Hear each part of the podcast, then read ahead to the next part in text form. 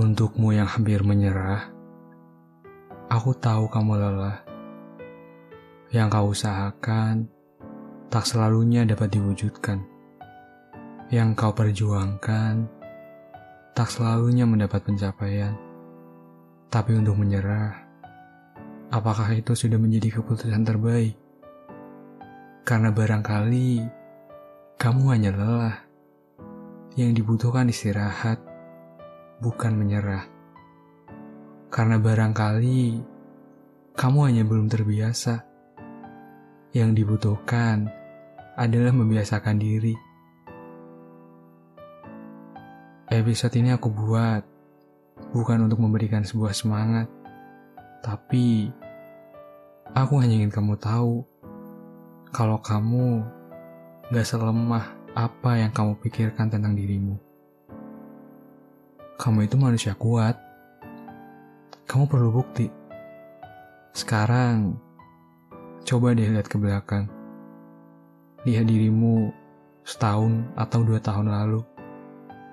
Walaupun kamu suka ngeluh, suka marah-marah sama keadaan, suka menangis, tapi semua itu terlewatkan, bukan?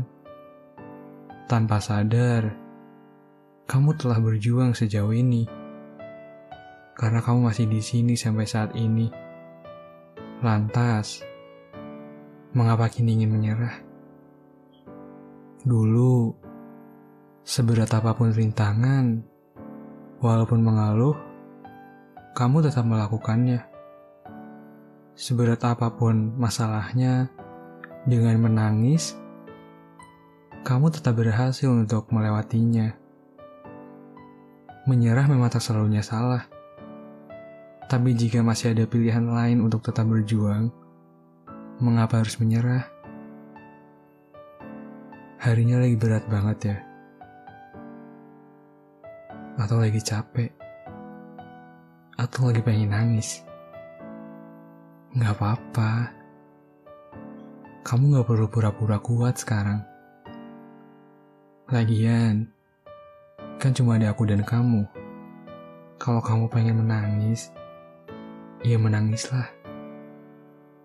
Barangkali air matamu itu sudah lama kamu tahan. Di sini, aku juga ingin mengingatkanmu untuk selalu mencintai diri, untuk selalu berterima kasih pada diri sendiri. Karena aku khawatir, aku takut jika dirimu sampai benci pada diri sendiri, itu akan membuat keadaan makin sulit. Jadi bagaimanapun keadaannya, sesulit apa pun keadaannya, jangan pernah benci sama diri sendiri. Kita nggak bisa pergi, mau itu berat, mau itu masalahnya benar-benar besar, mau nggak mau, kita tetap harus melewatinya. Yang bisa kita lakukan, menguatkan diri.